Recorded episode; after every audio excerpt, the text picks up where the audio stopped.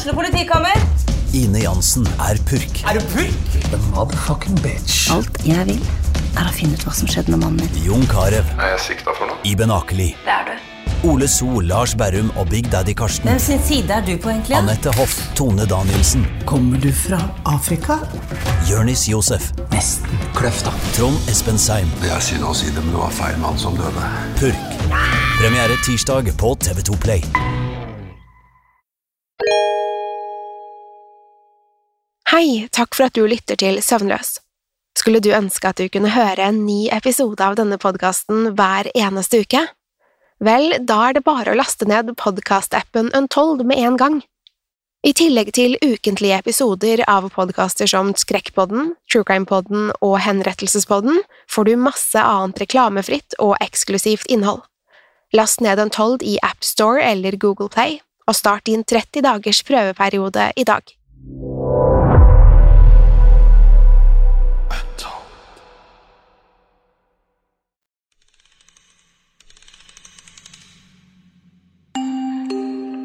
Om du har planer om å sove og drømme søtt i natt, er dette ikke podkasten for deg. Hvis du er lettskremt, lett påvirkelig eller har søvnproblemer, bør du styre unna akkurat denne. Om du likevel vil ta sjansen, eller er på utkikk etter en unnskyldning for å ikke sove, så har du kommet til rett sted. Om du velger å bli, er du herved advart. Velkommen til Søvnløs. God natt.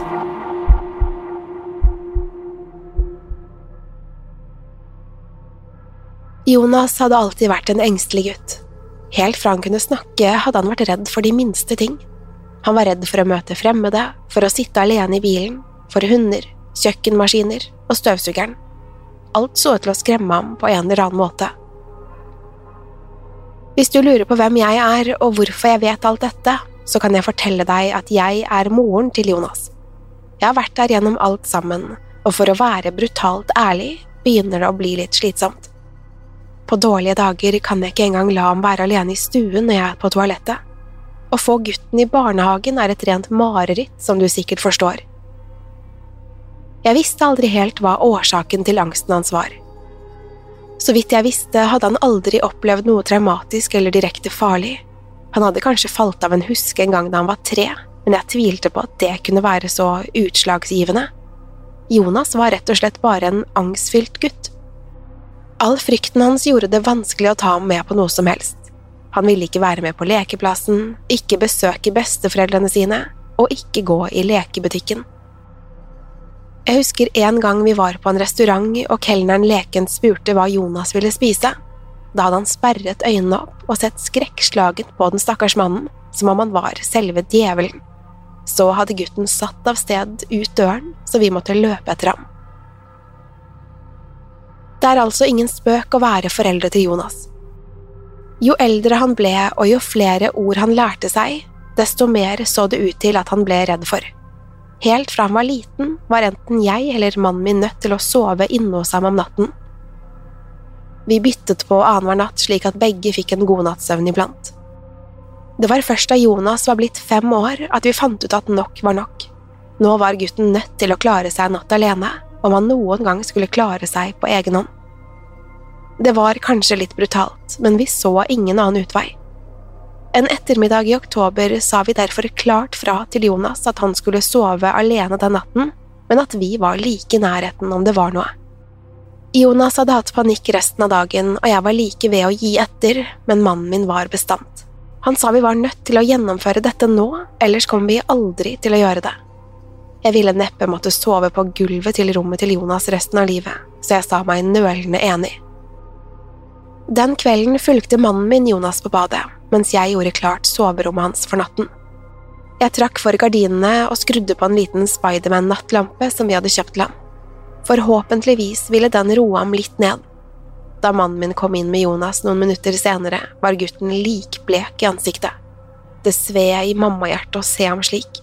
Jeg visste hvor redd han var, men også at dette var den eneste løsningen. Etter at mannen min hadde kysset Jonas god natt, ble jeg alene med ham på soverommet. Han klatret fortumlet og skremt opp i sengen mens han kikket seg rundt i rommet, som om han forventet at noe skulle kaste seg mot oss fra skyggene. Jeg forsikret ham om at alt var helt trygt, og bredde dynen godt rundt ham.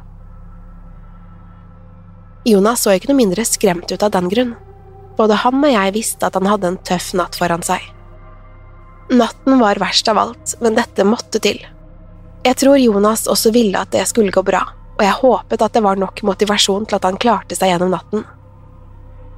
Etter å ha lest en altfor kjedelig godnatthistorie som så ut til å gjøre Jonas søvnig, kysset jeg ham på pannen. Nå var det bare å krysse fingrene og håpe på det beste. Jeg lot døren stå på gløtt så jeg kunne høre om han ropte, før jeg trakk meg tilbake til stuen.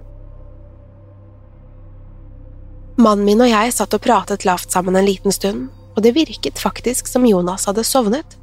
Det kom ikke en lyd fra ham på nærmere 40 minutter, før han plutselig satt i et voldsomt vræl. Mannen min himlet med øynene og reiste seg, mens jeg satt igjen i sofakroken og kjelte med stetten på vinglasset. Det måtte jo komme.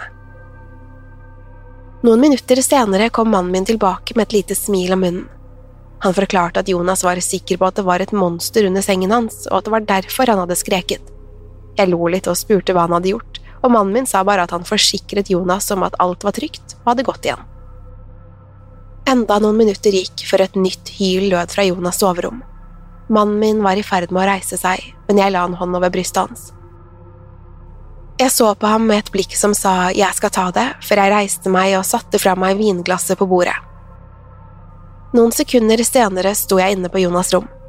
Gutten satt oppreist i sengen, med dynen trukket helt opp til nesen, mens han stirret intenst mot meg. Hva er det nå, gutten min? spurte jeg med et mildt smil om munnen. Jeg fikk ikke noe svar, bare små klink, dempet av den tykke dynen foran munnen hans. Derfor gikk jeg helt bort til ham og satte meg på sengekanten. Jeg prøvde å trekke dynen ned fra ansiktet hans, men kjente straks hvordan de små nevene klamret seg til dynetrekket. Nok en gang spurte jeg hva som var galt, og da lot han dynen falle ned på sengen. Frykten i øynene hans var ikke til å ta feil av. Jonas var livredd. Blikket hans flakket fra meg til sengekanten, som om han hintet til at noe gjemte seg der nede, under sengen. Jeg forsikret han om at det ikke var noe under sengen hans, men det var tydelig at han ikke trodde meg.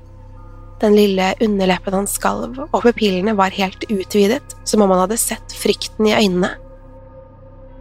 Det er noen under sengen min, hvisket Jonas gjennom sammenbitte tenner, som om han var redd for at den der nede skulle høre ham og innse at de var blitt avslørt.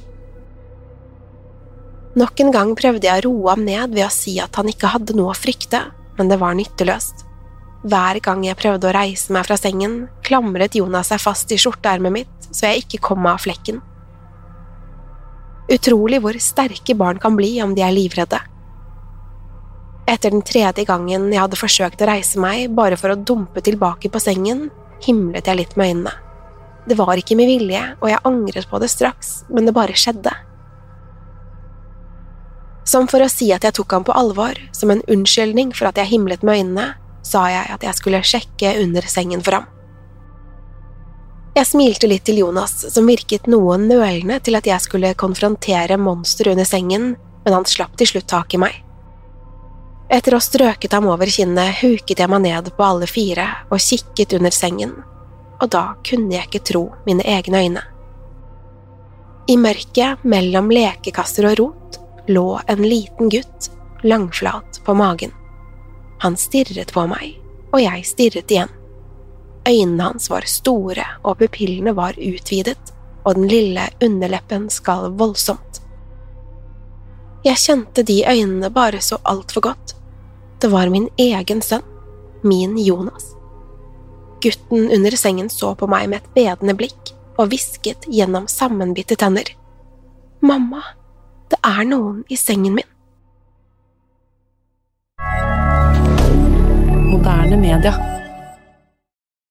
Har du et enkeltpersonforetak eller en liten bedrift? Da er du sikkert lei av å høre meg snakke om hvor enkelt det er med kvitteringer og bilag i fiken, så vi eh, gir oss her, vi. Fordi vi liker enkelt.